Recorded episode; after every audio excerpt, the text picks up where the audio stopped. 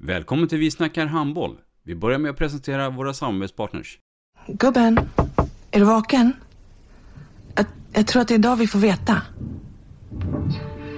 Jag kom in! Mamma, jag kom in! Mamma, jag kom in! Jag kom in! Ah! Vi finns där du är när livet förändras. För alltid välkommen till Länsförsäkringar. Nej men, ska du ha t-shirt på dig? Du, det är ingen vanlig t-shirt. Det är en nya bollar till klubben t-shirt. Och så matchar den grillkryddorna vi ska använda. Hur då? Men det är ju alla ska med på klassresan grillkryddor. Stötta barn och unga. Shoppa på newbodyfamily.com. Länge leve föreningslivet!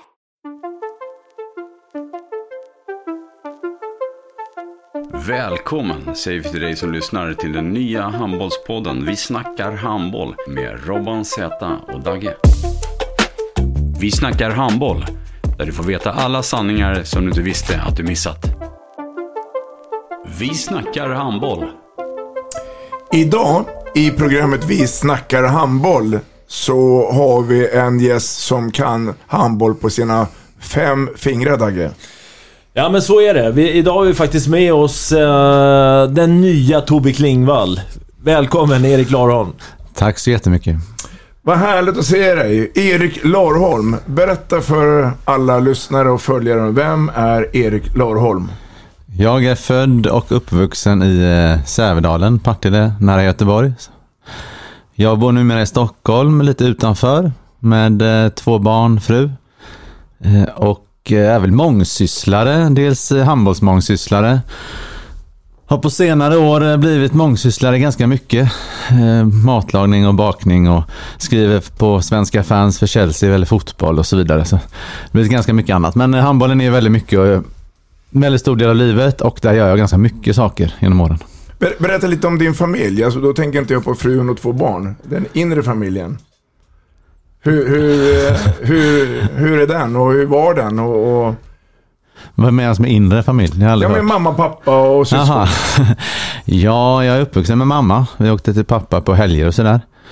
Eh, mamma har inte så mycket idrott. Hon var med i något basketlag på hon var lång när hon var tonåring. Eh, och pappa tror jag tog någon SM, skolmästerskapsmedalj i skytten och sådär, men det var absolut ingenting. Men vi är uppvuxna i Partille, jag och min bror Jonas. Så eh, då blir det handboll. Det blev automatiskt handboll, eller, eller var det någon som uh, kastade in det där? Eller? Nej, alltså Jonas började spela när han gick han var med i bästa trean, hette det. Mm. När alla, så var ute på alla skolor, det var alla klasser mötte varandra och sådär. Då kom han in, in på det. Han hade en eh, coach där som Björn Blomqvist, som de många känner till tror jag. Blomman? Ja, eh, och han tvingade väl in Jonas då att spela handboll eftersom han märkte att Jonas var duktig. Så när han började spela, när han började fyran, jag var fortfarande utanför, det spelade tennis och fotboll, men sen så tyckte jag att det var kul att, att följa Jonas och ville börja spela själv. Men då var faktiskt, jag tror att nästan 12 eller något sånt. Mitten av femman tror jag, att jag började igen. Och var väl, lite, var väl sämst i början. Och sen fortsatte det bli ett större och större intresse. Jag, Jonas och våra kompisar gick ut och spelade handboll så fort det var plus 10 och uppåt. Mm. Det blir mycket sånt som man pratar om idag inte finns så mycket kanske att man var, är där spontant. Var du en stjärna som skolelev? Eh, ja, jag var hyfsat bra i skolan. Mm. Eh, men absolut inte bland de bästa, men rätt så okej. Okay. 3,8 av 5 gick jag ut nia med. Men det, det här med skolanbollen i Partille, det är rätt många som har vittnat om det. Eh, är det... Eh, vad ska jag säga, är det, är det hemligheten bakom eh, Sävehofs urstarka ungdomsverksamhet? Eller mångfalden? Eh, är det just skolanbollen? Jag vet inte hur det ser ut numera. Eh, men jag har ju varit runt i diverse olika klubbar och städer och jag tror att det är en bra form. Jag vet att Sävehof var även ute på vår idrottslektion och introducerade handboll. Lars-Erik Sell var ute och eh, sa till oss hur man skulle spela. Vi hade en lektion där. Så. Eh, man, åtminstone fick man ju kontakt och marknadsförde sig mot alla ungdomar som fanns i kommunen. Det är väl en vinst i det om inte annat. Hur stor är Partille kommun? Jag, jag, jag, anledningen till att jag frågar för att jag hörde för något år sedan att Sävehof hade uppåt 170 flickor 07. Alltså 170, det är makalöst egentligen. Ja. Finns det ens 170 som är födda 07. Ja, jo men... Ja, jag vet, ni hade ju Abbe här tidigare så han får kanske redogöra för detaljerna. Men de säger ju att de inte tar ut in utifrån kommunen på, förrän man blir väldigt mycket äldre. Jag, är- jag är ju inte man att svara för om det stämmer eller inte. Men det finns ganska många barn i Partille. Jag tror att när jag bodde där så var det 40 000 invånare. Och jag tror det har vuxit för att det har byggts väldigt mycket. Eh, både hus och framförallt kanske lägenheter. Man träffar ju många vad gäller skolhandbollen och eh, jag har för mig att eh, nej men jag tror att det, en, att det har vuxit ännu mer att i princip, då, jag var, det var jag och en kille till i min klass som, som testade handboll. De andra gjorde inte det. Så det var ju inte så många. Men idag tror jag nästan att alla, i princip alla gör det. Mm. Framförallt på tjejsidan. Eh, Jag tror inte att det finns samma konkurrens i, i, i eh, Partille kommun mot andra idrotter som det finns i väldigt många andra kommuner. Den här Sverigeresan då som eh, du har gjort. För du eh, lämnade sen Sävedalen och eh, Partille Mm. och eh, flyttade. Berätta Mm. lite om den. Jag flyttade upp till Stockholm för att eh, jag var tillsammans med en tjej som bodde i Stockholm då och sen skulle jag börja studera. Och då fick hon kontrakt med Skuru eh, som ju var ett av, även då ett av landets bästa lag. Och, så hon ville stanna kvar. Eh, vi pratade om att hon skulle flytta men det, ja, då flyttade jag istället och så började jag plugga. Och så mm, bodde jag som man gör när man är student i Stockholm utifrån på lite olika små ställen. jag bodde på rätt många olika ställen faktiskt. Och träffade en massa nya kompisar och, och förmodligen inriktad med handboll. Ja, både och skulle jag säga. Det är tråkigt att plugga i Stockholm för att det är, inga, det är inte så många som flyttar in så att man har det här att ingen känner ingen utan det är rätt många stockholmare man pluggar med som ska åka hem redan och göra sitt. Eh, Men eh, via handbollen så var det ganska mycket nya kontakter och lite grann, framförallt när jag läste till idrottslärare så träffade jag några som jag, även, som jag är kompis med ännu idag. Och, om vi backar tillbaka lite till, till åren i, i Partille och de tidiga åren där i Sävehof så har i alla fall jag fått uppfattningen att du tidigt fick ett liksom enormt intresse för handboll. Du och din lite mer kända brorsa Jonas. Eh, liksom verkligen i tidiga år nördade ner er liksom i handboll. Stämmer det eller? Ja, det, det är verkligen rakt på, på sak. Eh, skillnaden är väl att eh, Jonas eh, har lite, lite mer bollkänsla, lite mer fysiska förutsättningar. Eh, därför gick det som det gick för honom. Jag är bara 1,82 och inte lika snabb, långsam. Däremot var jag väl rätt så jag klarar mig skapligt ibland eftersom jag har lite i huvudet men, och kan passa bollen och spela in och så vidare. Men det tog ju stopp det någonstans också när man bara börjar kolla på hur spelar för andra. När man börjar sluta tänka på sig själv så går det inte så bra. Jag vet inte, man kan alltid diskutera huruvida man ska byta klubb och sånt. Men eh, som svar på frågan där, liksom, vi, ja, vi spelade in alla mästerskap på video från VM 90, nej, EM 94, EM. Eh, har vi alla mästerskap på video, VHS. De spelade vi in, eh, tittade på. Det blev väl en match eh, per dag efter skolan av den här matchen vi har spelat in. Jag vet, vi flyttade upp till vardagsrummet under OS i Atlanta och, så, och sov matcherna på nätterna och sov på dagarna. I. det är härliga minnen. Och så spelade vi, till skillnad från jag tror att många inte får göra idag, vi spelade handboll inne i vardagsrummet. Jonas sydde en mjukboll i syslöjden och sen så körde vi eh, minihandboll Ja, kant, högersex eh, runt pianot och genombrott vid soffan och straffar och det sköts en annan, ner en och annan tavla och så, men de kan väl betala tillbaka idag då kanske. Nej, det var jättemycket handboll. Jätte, jättemycket handboll. En kan ju både citat och alla mål och så. Det är ju egentligen sjukt. eh.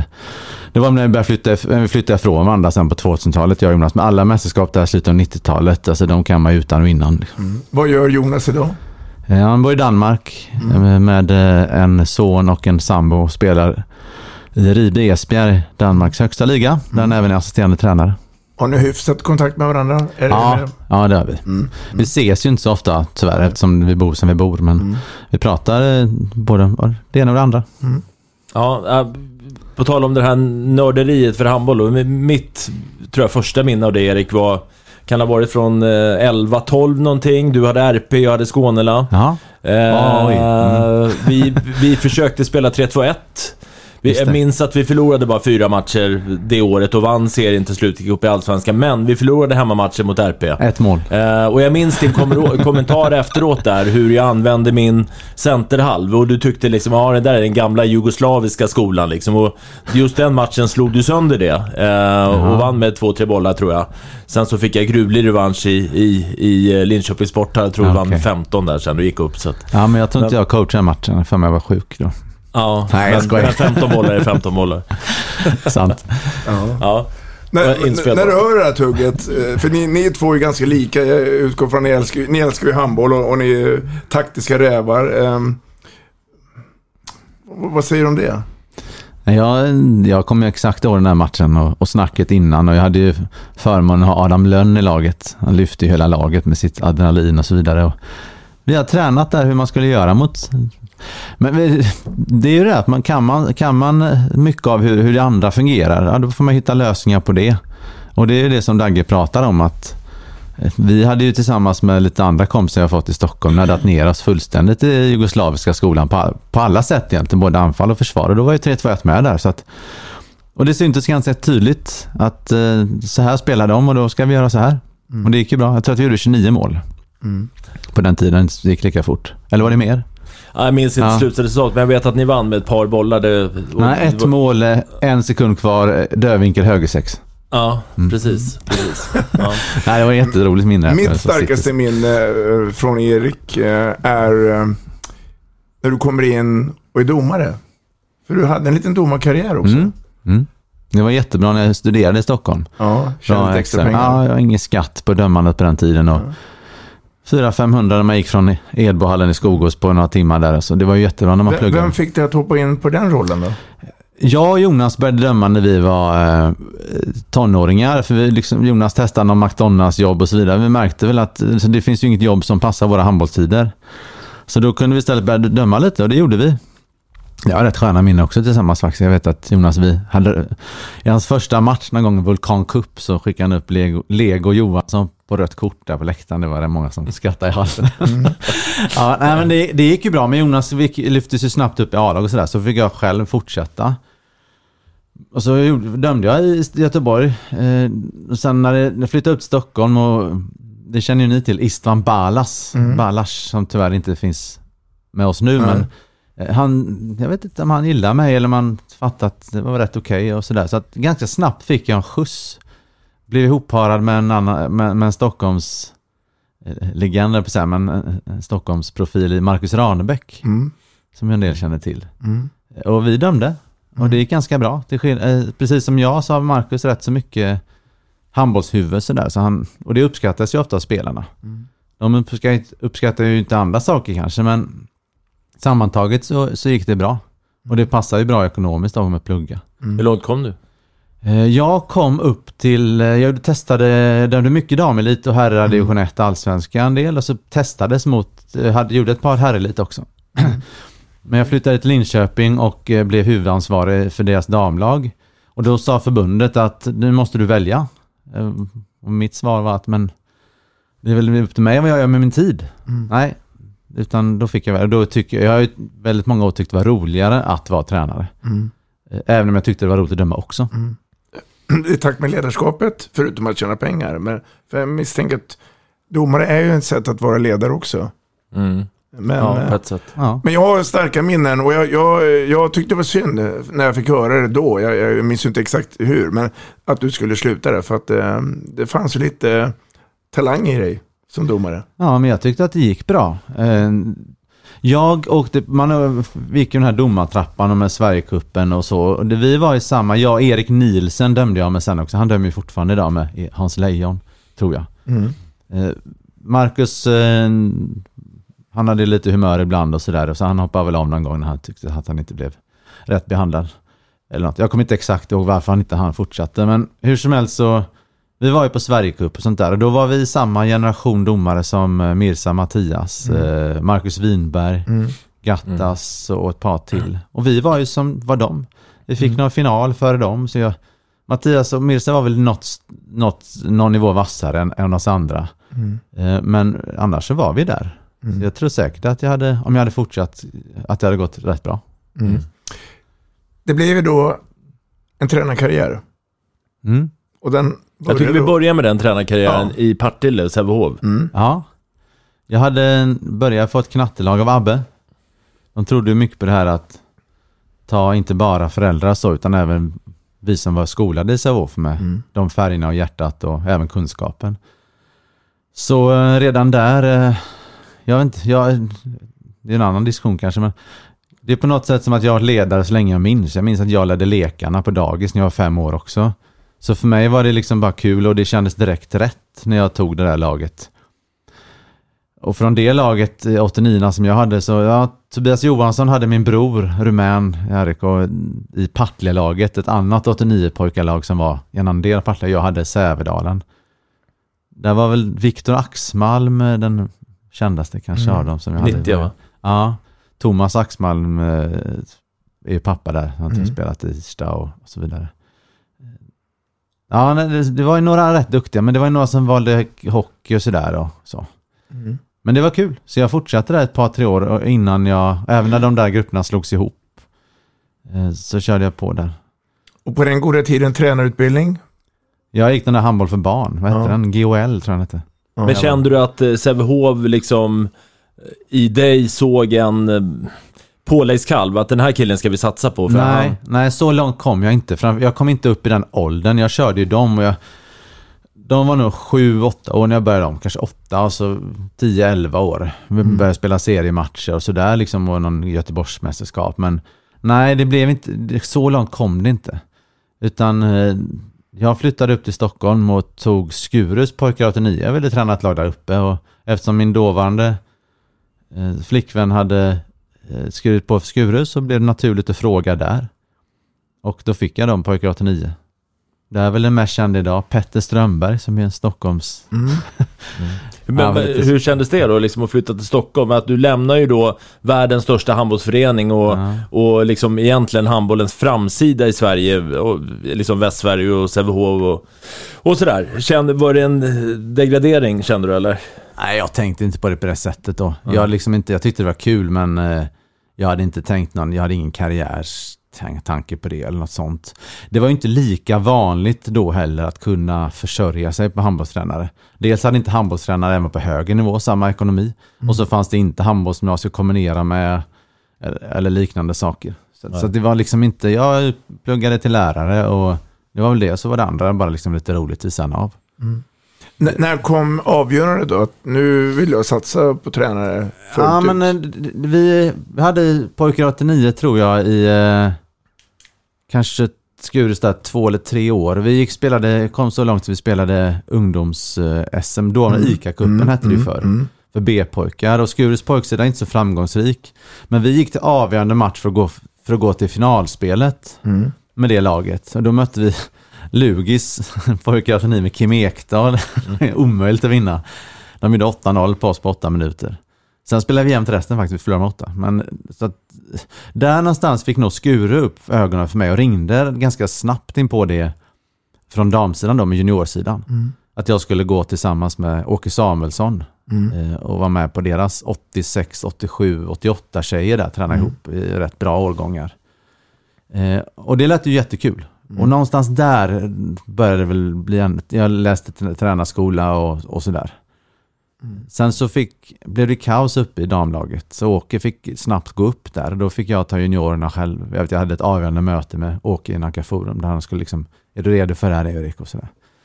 Eh, Och det gick bra. Jag- Tjejerna liksom fick något nytt, inte, tror jag.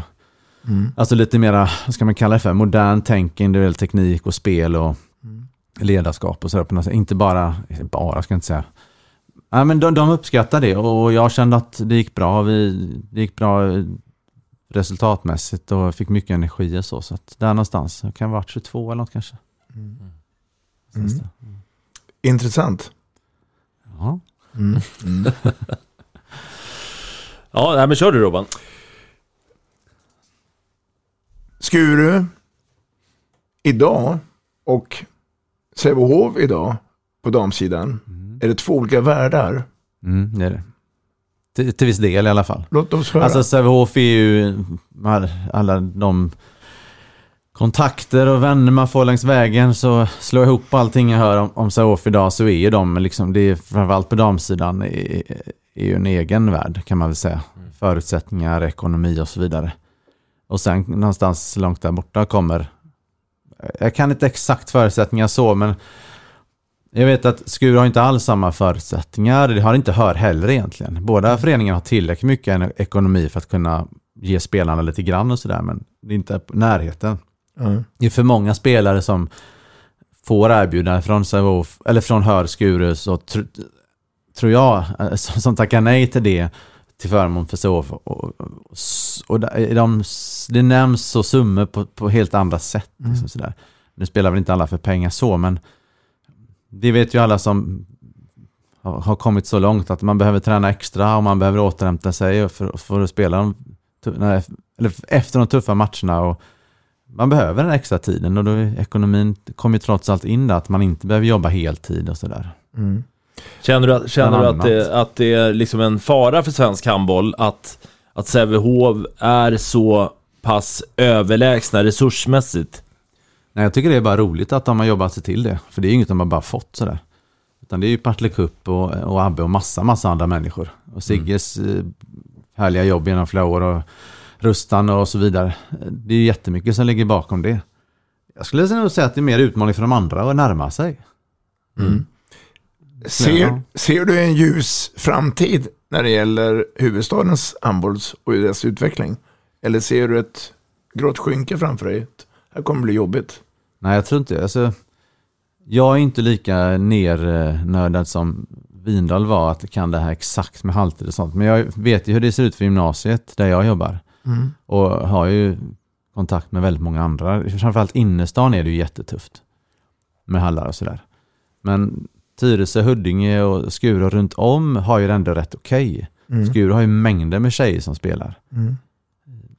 Jag tror att eh, Huddinge har ju känns det som att de har något organisationsmässigt på gång. Skuru har ju Thomas Björk som är eldsjäl och sliter som satan med julgranar och allt möjligt. Liksom. Men där har det liksom, jag vet inte, det saknas organisation och, och över tid på, på rätt många ställen. Och det är inte att prata ner alla som lägger ner massa tid, men jag tror att man behöver man får väl göra vad man kan och det man har liksom. Och då är organisationen skitviktig. Om man får säga så. Det är väl det Kalle Mattsson eh, håller på att försöka ändra till skillnad från förut i Hammarby. liksom. Hammarby, ja. Att det, vi kan inte lova något vi inte har, men det, det är fine.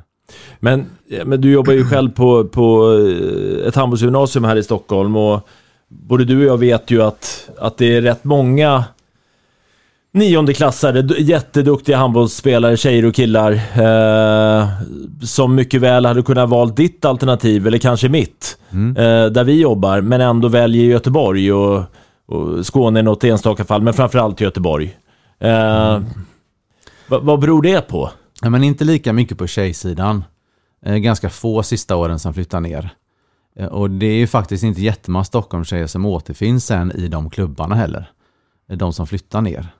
De som har gjort det nu hoppas verkligen att det går bra, men det, det, det jag vill komma till är att som tjej att vara kvar i Stockholm, Skure, Huddinge, Tyresö och så vidare. Det är ju ett minst lika bra alternativ med tanke på att man då Mm. ja, man har tryggheten hemma också. Och de, alla de spelarna vi har på, på skolan på tjejsidan, det är ju jättemånga bra spelare. Jo, det, men jag, jag köper det fullt ut, att det är ett lika bra alternativ, alltså gymnasiealternativ. Men jag inbillar mig att kanske spelarna känner att, att Västsverige är Sveriges framsida och framförallt att det finns, där finns det inte bara Sävehof, det finns Önnered, det finns Heid och det finns toppklubbar i Allsvenskan. Det finns en, liksom en mångfald av föreningar. Här har vi bara Skuru och sen har vi bottenlag i Allsvenskan.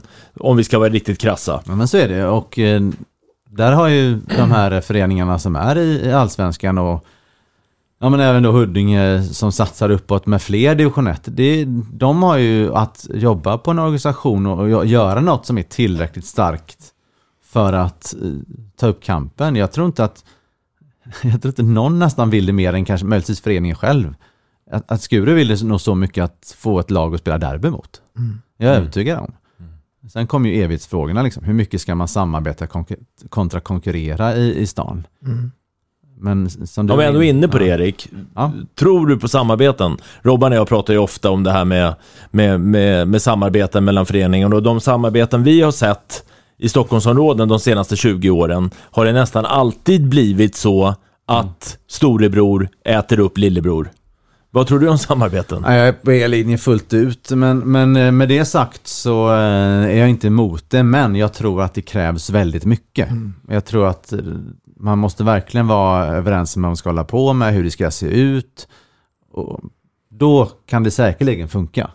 Det kan det säkert göra, men ja, det, det krävs mycket. Så att det korta svaret är väl att jag, testa själv först. Liksom.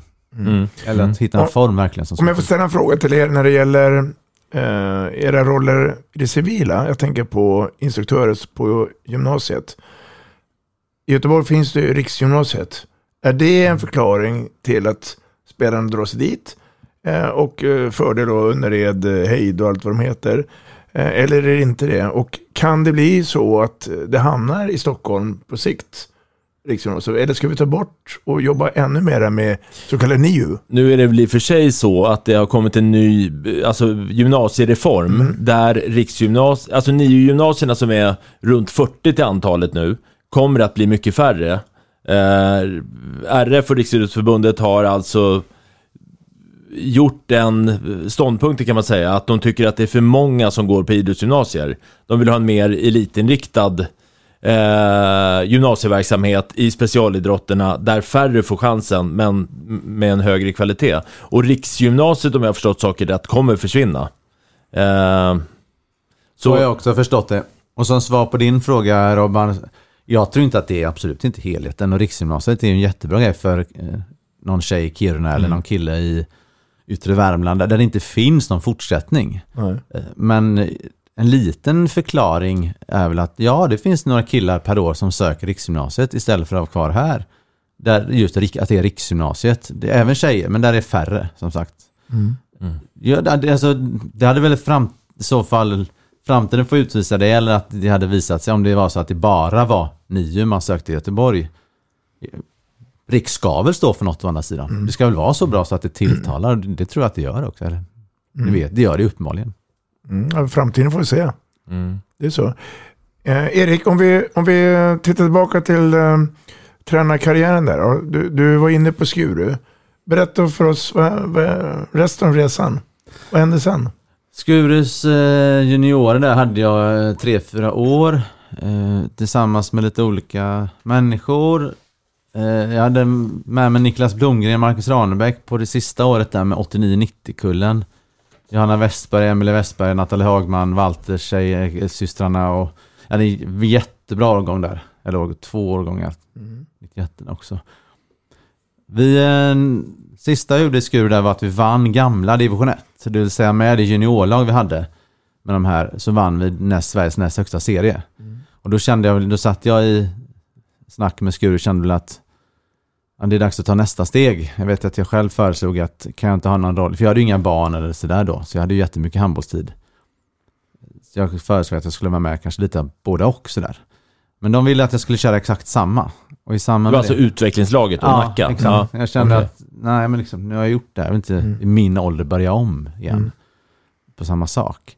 Så um, i samband med det så skulle min, nu hade en ny tjej, Mm. nej det är Ja. ganska mycket långt senare, men hon kom från Linköping så hon ville flytta ner dit igen. Börja plugga där och i samband med det så hörde RP av sig. Mm. Men eh, handbollstjänst rakt av, kansli och, och handla om lite lag och specialidrott och sådär. Och då kände jag, ja, men nästa sak, oavsett nivå här nu, det var ju att sänka nivån lite, men är att ta ett seniorlag. Liksom. Att ta det högsta i föreningen. Och det gjorde jag det. Så då flyttade vi ner dit. Så då bodde jag i Linköping i tre år. Det var 90-årgången där nere med Emma Kandemark och Anna Roxå. Ni kommer ihåg någon Mm. Oh, Iloni Jakobsson. Och, ja, det, var, det var många bra tjejer. Och vi vann den där serien och gick upp. Precis som vi skulle. Och då eh, hade vi några herrar där i Linköping som hade lite att säga till om. Jörgen Sjö bland annat. Så han, han med ett par andra, Peter Andersson var en stark röst också där nere från Skövde. Och de låg på lite att jag skulle ta herrarna. Eh, För att de brann lite mer för det och, och sådär. Så att då bytte jag där nere till Linköpings HK. På tal om samarbeten så var det ett Mm. samarbete mellan tre lag. Så då hade jag dem ett år, men det är alltså ett äldre generation. Oskar Liljegren, Ted Hotey och så vidare för de som känner till det. Jätteduktiga spelare men som ja, de brann väl för handbollen när de var på plan men de, kanske, de, de var väl mer, lite mer för andra saker vad gäller att träna sig till framgången. Så det året, det var bra, det var jättelärorikt. Vi, eh, vi gick rätt bra i början, helt okej, men sen... Så det var tufft. Vi, vi och, och, och landade på kval neråt, men bara någon poäng sådär. På tal om samarbeten måste jag säga också, det året inleddes faktiskt med att eh, vi eh, tog tre poäng på tre matcher, men det visade sig att vi hade en felregistrerad spelare, för det var jättemycket tjat om vad de skulle stå i förening och vem som stod för själva namnet och så hit och dit. Så vi, åkte, vi torskade de poängen där. Mm. Och då sa ordföranden att det var ingen idé att gråta över spilld mjölk. Men det tyckte inte spelarna var så kul att höra.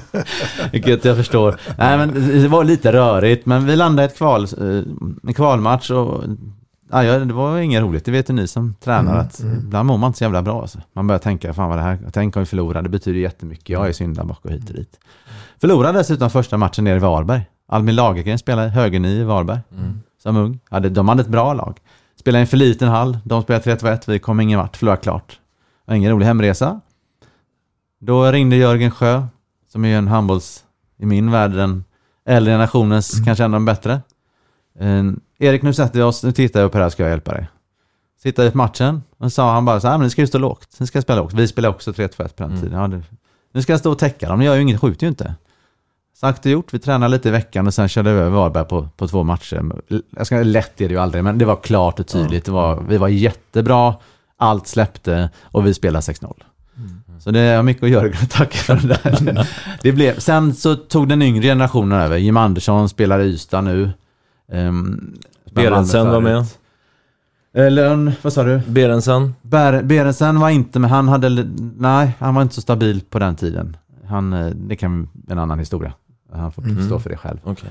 Eh, Men eh, han var väldigt duktig, var med och tränade lite grann.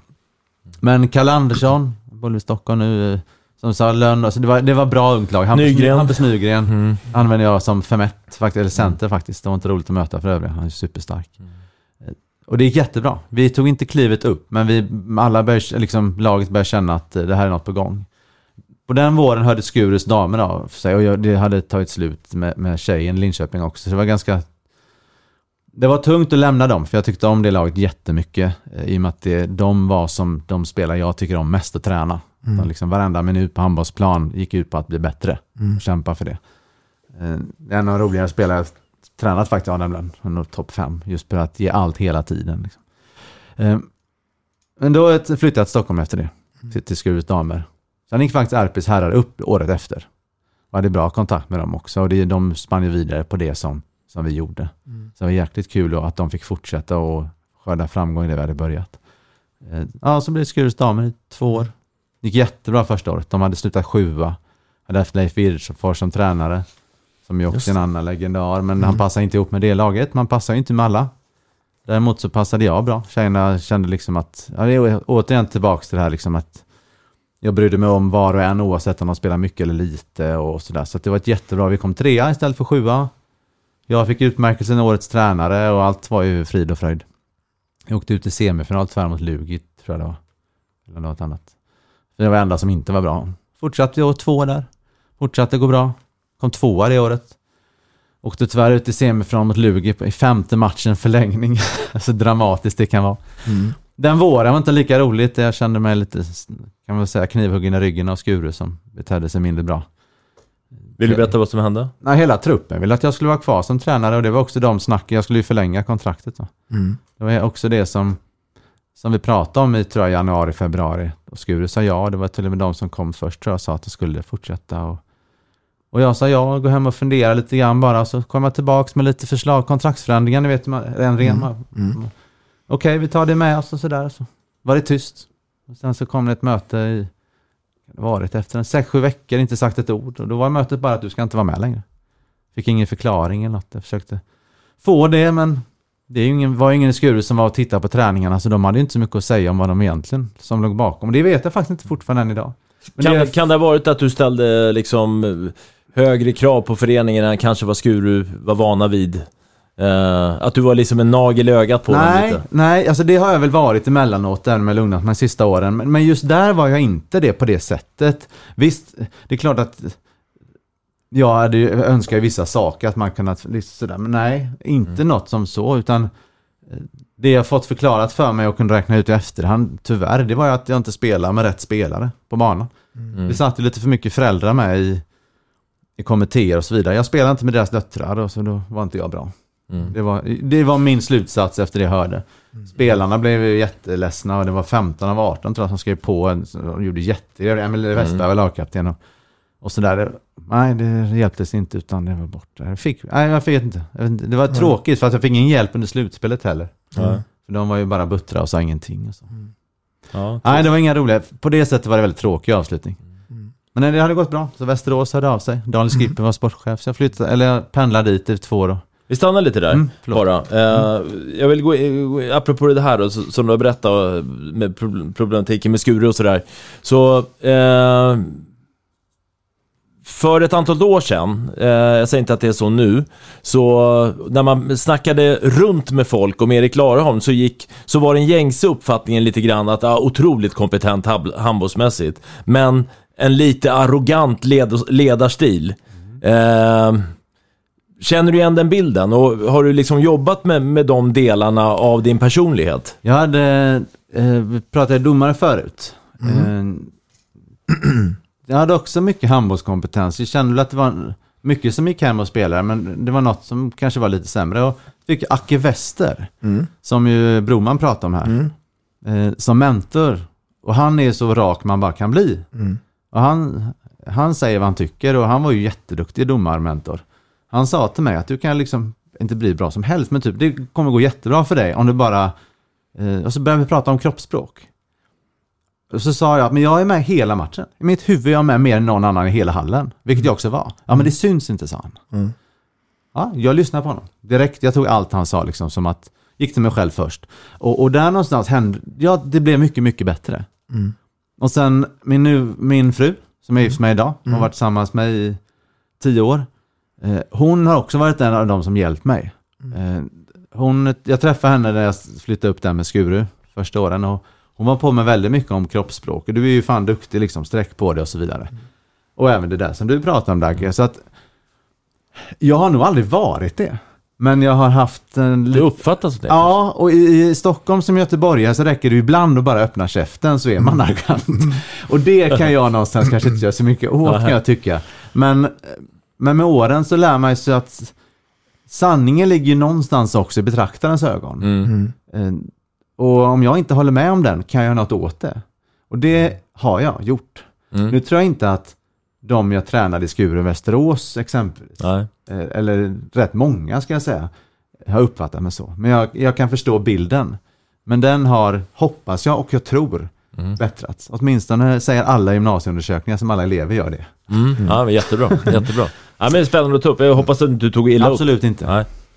Här pratar vi handboll. Högt och Absolut. Du, eh, nu ska vi prata om någonting som jag vet att du eh, brinner för och det är ju den här utvecklingen. Eh, Ska vi inte avsluta med Västerås där först? ja, bara? och vi, vi har faktiskt Hammarby också. Ja. det är mycket. Det är Hammarby Ja. U också emellan. Ja, vi, vi, vi Nej, hinner men, med eh, det. Vi tar det. Västerås, det var ju två jättebra år, jätteroliga. Eh, Min, eh, min familj uppskattar att resa, jag hade fått en son, de reste till Västerås, kollat matcherna och hittat bra sushiställe och så vidare. Det blir lite saker runt omkring, spelarna uppskattar mig jättemycket, jag uppskattar dem.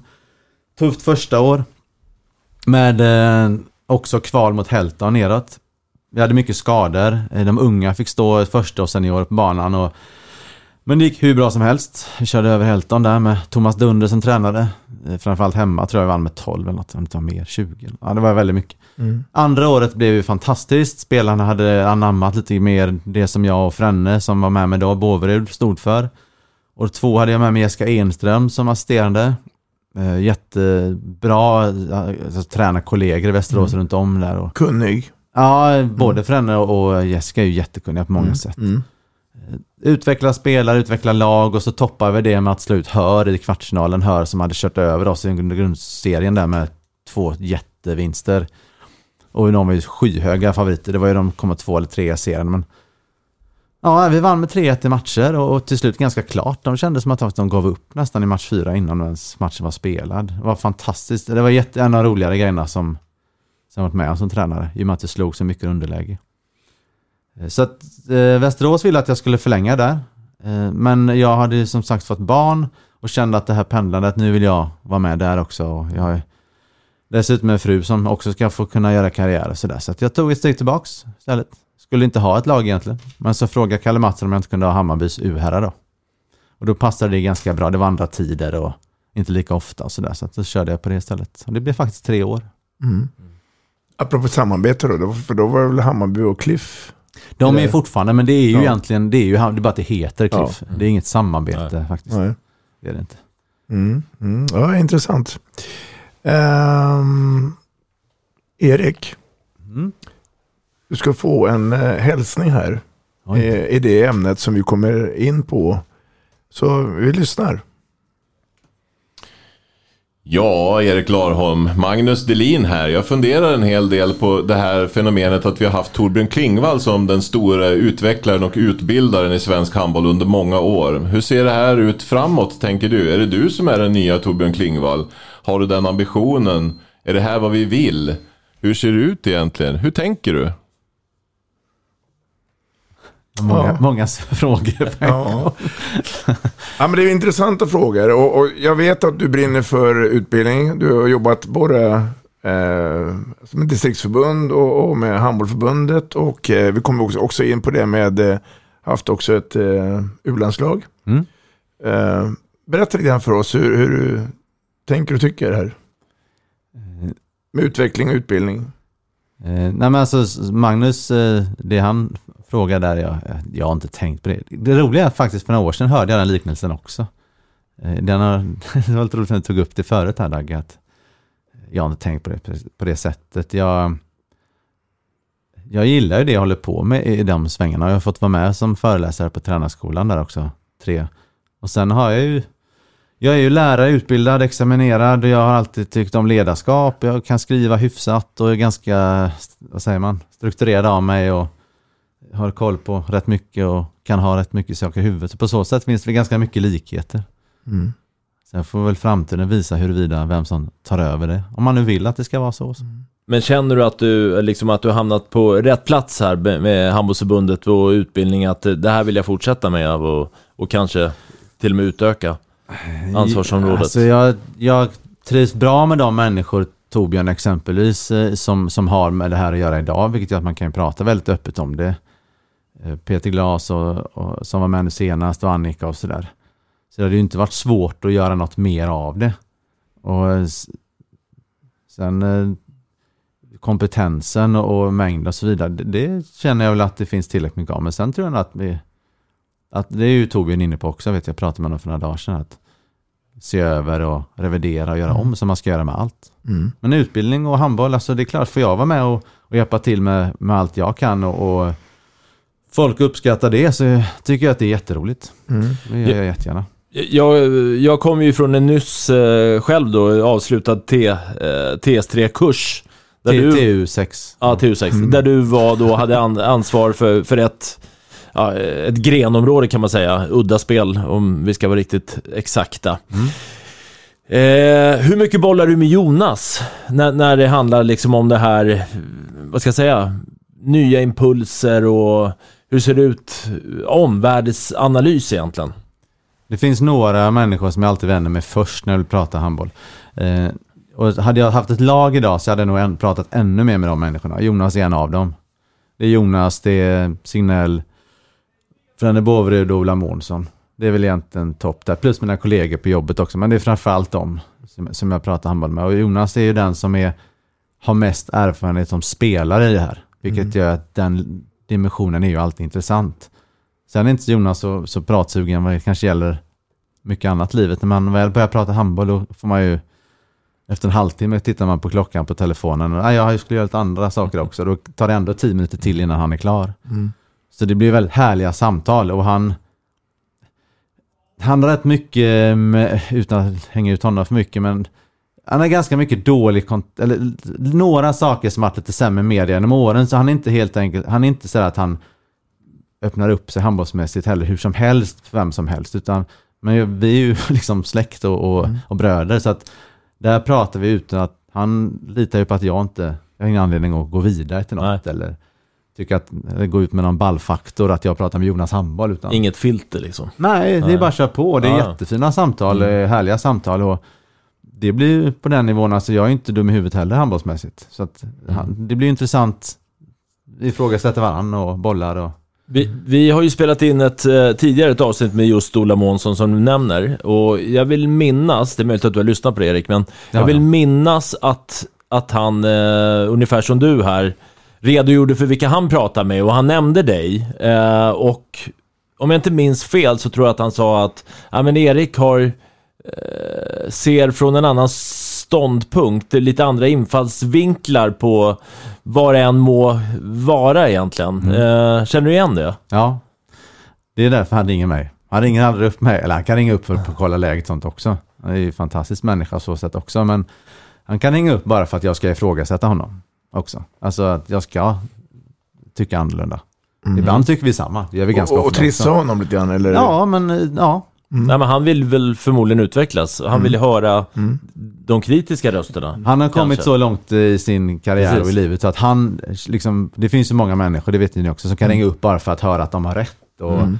få lite mer plus på kontot och så. Och det, så är ju inte han. Och det, det vet jag om också, det är det som är så härligt. Så är det med alla de jag nämnde tidigare också. Att, ja. Mm, ja, men så det stämmer. stämmer nog. Handbollsförbundets spelutbildning som är relativt ny är också kopplad med, mycket med distriktsverksamheten och upp till riksläger. Mm. Ehm, är, det, är, det, är vi på rätt spår, svensk handboll? Eh, Är vi inne i rätt cyklar? Eller hör att det är mycket gnäll och tyckande hit och dit?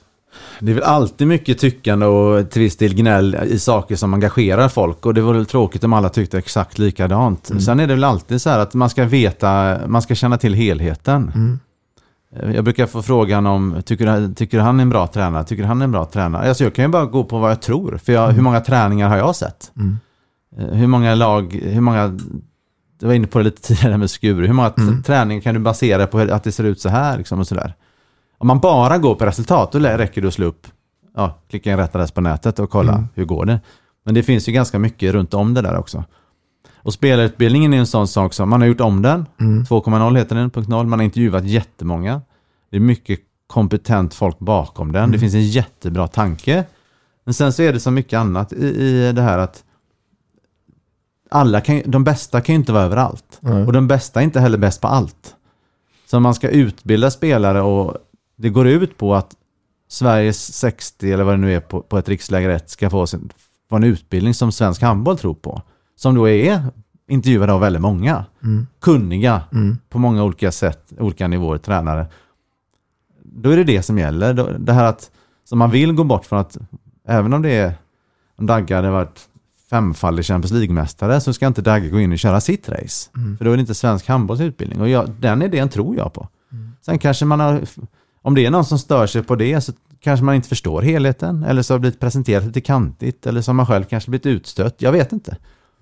Men eh, det är bra tycker jag. Mm. Mm. Sen är det, är det alltid bra att de bästa, det var ju Stocken inne på också när här, att de bästa utbildar liksom. Mm. Men då ska också de bästa förstå att om jag inte vill utbilda i svensk handboll, även hur bra jag än är, då ska jag inte vara där. Nej. Och då ska de som kritiserar förstå att ja, Svenska handbollsförbundet har frågat tio andra, men de vill inte vara med. Och nu är det de här som står här som har gått med på att utbilda i svensk handboll. Hela det, det är en jätteintressant diskussion. Mm. Men för att diskutera och få vara med tycker jag i den diskussionen Ja, på rätt det- sätt så ska man också känna till alla faktorer. Det är rätt. Precis. Eh, Erik, vi skiftar fokus lite här. Eh, vi har precis avslutat OS. Eh, både herrar och damer i Sverige var med eh, och representerade Sverige. Eh, motsvarade de förväntningarna? Eller vad känner du? Damerna gjorde det ju jättebra. Flera nivåer över förväntningarna, åtminstone mina förväntningar. Dödens grupp vann man och sen gjorde man egentligen bara en dålig match. Det var den man missade bronspengen på. Att Frankrike som går och vinner, vinner mot Sverige i en semifinal faktiskt ganska knappt. Det är ju inget konstigt. Jag tycker det är jättebra. Herrarna var väl lite att man funderade ganska tidigt på varför det såg ut som det gjorde och man inte fick samma flyt som i mästerskapet innan min tanke var utan att ha någon som helst fakta eller så, det var att många av de där spelarna har haft en väldigt, väldigt lång säsong. Många matcher, tunga roller, var väl egentligen, Bundesliga var väl den liga som var klar, klart senast Mm. inför OS. Alltså om man ska jä- jämföra med andra då, ja då är man väl lite tröttare kanske. Mm. Och dessutom spelar jag Sverige med ganska få spelare. Eh, Frankrike har ju lång tid tillbaks, eh, så länge man har kunnat egentligen, gått runt på folk och över en OS-turnering. Men spel varannan dag så. I min värld betyder det något i alla fall.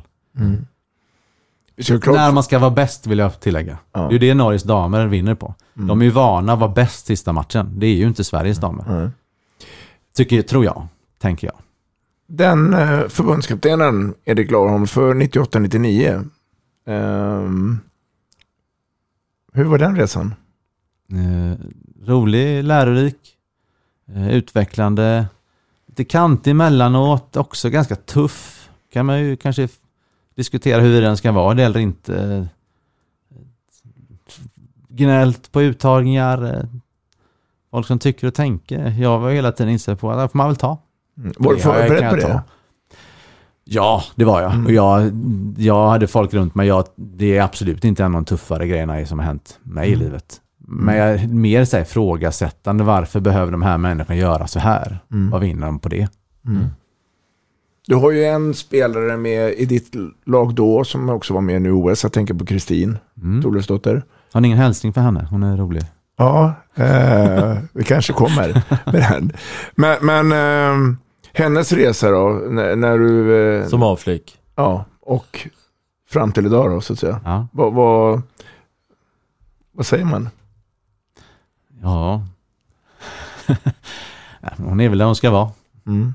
Jag kommer ihåg eh, första Sverigecupen när vi var och tittade som man gör som förbundskapten. Så hade jag med mig Frenne och Jörgen Sjö bland annat. Lina Möller var med också. Kristoffer, en av mina bättre vänner, som just för att se handboll på ett Mm. annat sätt. Men Jörgen kom in efter första matchen och hade sett Uppland så sken han upp som en sol och halvskrek Erik, jag har hittat din vänsternia. Mm. Då var det Kristin. Mm. Mm. Så det är härliga minnen längs vägen. Mm. Lite kantigt här uppe. Jag hade, lite, lite otydliga tränare där som avflick i början. Så, men sen gick det, sen gick det bra. Det, det, jag, jag köper det. eh, får vi, får vi, eh, hon är en av de tjejer som har tagit eh, väskan och lämnat landet. Mm. Om vi bara rundar av där och eh, kommer vi få se den varan nu att det kommer bli fler och fler svenska spelare som lämnar Ja, det hoppas jag. Du vill det gärna? Ja, men det är väl att, att spela bra matcher varje vecka och Champions League och vara med i klubbar som har förutsättningar och ge dig eh, ekonomi för att kunna vila på förmiddagen. Det är väl jättebra. Mm. Sen är Jag det bara roligt. skjuta in där innan ja. du fortsätter. Det är lite roligt det här för att Ola Månsson, och ni har ju lite olika åsikter ibland, han tyckte precis tvärtom. Mm. Det spelar ingen roll.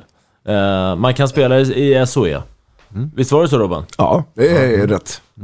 Det tycker jag också man kan göra, för det vill jag säga också, jag tycker det är kul om de är kvar. Mm. Men alltså allt det byta handlar väl om att det man byter till tror man är bättre. Och då får jag hoppas att det är så för de spelarnas skull. Men det finns ju också de byten som görs som är sämre. Mm. Vi pratade gymnasiet förut. Eh, Ska du flytta eller ska du inte flytta? Ska du spela där eller vara kvar här? Ja, det är ju inget som vet exakt. Mm. Men man kan ju hoppas att det går bra. Alltså nu ska Axnér, Tyra Axnér ut och, och testa vingarna ganska tidigt. Mm. Alltså lite där uppmärksammat tidigt. Och det kanske är för tidigt, jag vet inte. Men man får ju hoppas att det går bra. Mm. Mm. Jag kan ju tycka att några kanske skulle lämna tidigare medan andra gör det lite för Senare. sent. Ja. Men det är svårt också. Man vet liksom inte fullt ut. Nej. Ja. Eh, tiden bara rinner iväg va? Eh, jag känner lite så här, som, kanske avslutande åtminstone från mig. Eh, om du får drömma lite Erik. Eh, vad är du om en fem, tio år? Eh, liksom i din handbollsgärning. Innan du svarar på det, för jag var inne på samma sak. Du är ju mastercoach-utbildad. Ja. Det är den högsta rankingen man har. Eh, och jag hänger på då eh, Dagges frågar. Är det så att vi, vi kommer få se tack och hej och att du också lämnar landet på sikt? Jättesvårt att svara på. Jag, vi har köpt hus här och håller på att jobba för det och lägger altan här i sommar har jag gjort. Och mina barn trivs jättebra där vi bor. Min fru har fått ett, har ett jättefantastiskt, jättebra jobb. Eh, så att jag trivs med det jag gör nu. Samtidigt som jag märker att jag också saknar lag, lag sådär. Jag mina barn är så härliga att vara med och så jag vill inte missa det, här. Sen när det kommer år där de tycker jag inte är lika ball längre och de vill ha med sina kompisar, det ändå bara handlar om att man ses en timme per helg eller något. Ja men då är det ett helt annat läge. Flytt, allt beror väl på vad man får. Jag brukar lyssna, så här, lyssna på allt. Vem som helst kan ringa, jag lyssnar. Och sen får man se, man ställa sig mot det man har och så inte har. Men om, men om du bortser, nu kan vi inte bortse från det i och för sig, familj sådär, men om, om du drömmer dig bortom det, vad, vad skulle du vilja göra? Helst av allt. Mm. Jag skulle testa någon gång att göra något utomlands för att eh, erfarenheten och se dels hur det är, vad jag kan funka där. Jag skulle vilja göra någon form av resa med, med landslag igen. JUA, assisterande klippare. Med, jag var ju med Signell ett par år och klippte och sådär också. Eh, Alltså någonting där igen, för det är kul att jobba med de bästa. Mm. Eh, Det är roligt. Eh, Sen i vilken form det är, om det är att hjälpa någon eh, UJ-kapten och köra riksläge och vara assisterande eller om det är att hjälpa någon A-kapten eller om det är på här, det kvittar. Mm. Men, Mm. Och då ska det ju vara att jag, jag bidrar med något där, såklart. Men det är en resa som skulle vara kul att göra också. Men eh, det kanske var inget... Jag skulle sagt Kiel eller något ställe, skulle vara roligare. E- Erik Larholm, i det här programmet med Vi snackar handboll så kan jag och Dagge säga att du var och är bäst. Eh, och eh, vi vill rikta ett stort tack till att du ville vara med Tack och snacka handboll. Tack. Ja, tack Erik.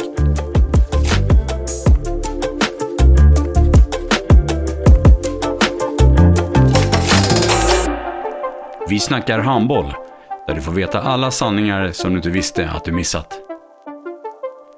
Vi snackar handboll. Vi snackar handboll produceras av produktionsbolaget High On Experience, från vision till passion.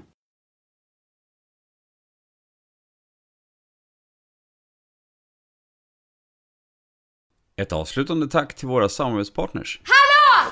Kommer ni eller? Ja, ja. Har du sett mina ankelsockar? De här? Nej, nej, jag menar skridskoslip till juniorlaget Ankelsockarna. Ja, men kolla bredvid träningsläger med handbollstjejerna-t-shirtarna. Stötta barn och unga. Shoppa på newbodyfamily.com. Länge leve föreningslivet! Gubben, är du vaken? Jag, jag tror att det är idag vi får veta. Mamma, jag kom in! Mamma, jag kom in! Jag kom in! Ah! Vi finns där du är när livet förändras. För alltid välkommen till Länsförsäkringar.